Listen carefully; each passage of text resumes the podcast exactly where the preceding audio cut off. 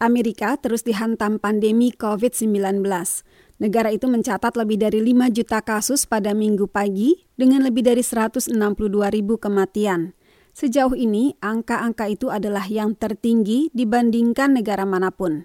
Tergerak untuk mengatasi situasi itu, Presiden Donald Trump hari Sabtu mengeluarkan keputusan tentang stimulus memperpanjang paket bantuan untuk mengatasi imbas pandemi.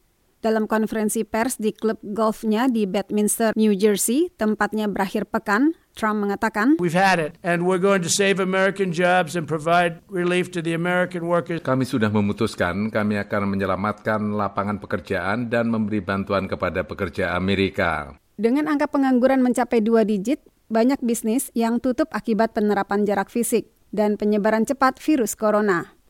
Banyak orang Amerika mengandalkan bantuan yang disetujui sebelumnya oleh Kongres. Bantuan itu berakhir pada Juli. Keputusan Trump itu diambil setelah pembicaraan antara fraksi Republik dan Demokrat di DPR menemui jalan buntu. Ketua fraksi Demokrat yang minoritas di Senat, Chuck Schumer, dalam wawancara dengan stasiun televisi ABC, menolak langkah sepihak Trump itu dan menilainya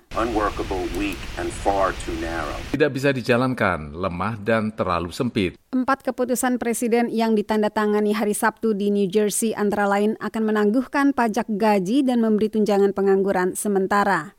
Demokrat menilai keputusan presiden melanggar kewenangan konstitusional Kongres atas anggaran federal. Tetapi Pelosi menolak ketika ditanya tentang kemungkinan tindakan hukum. Saingan Trump dari Partai Demokrat dalam pemilihan presiden, Joe Biden, menulis di Twitter bahwa 5 juta kasus virus corona adalah angka yang mengejutkan dan menyedihkan. Ia menambahkan, seharusnya tidak seburuk ini. Tercatat sekitar 54 ribu kasus baru setiap hari di Amerika. Sebaliknya di Eropa, setidaknya saat ini, penularan virus corona bisa diatasi. Selandia Baru hari Minggu menandai 100 hari tanpa penularan domestik virus corona. Perdana Menteri Jacinda Ardern memperingatkan setiap orang harus tetap waspada.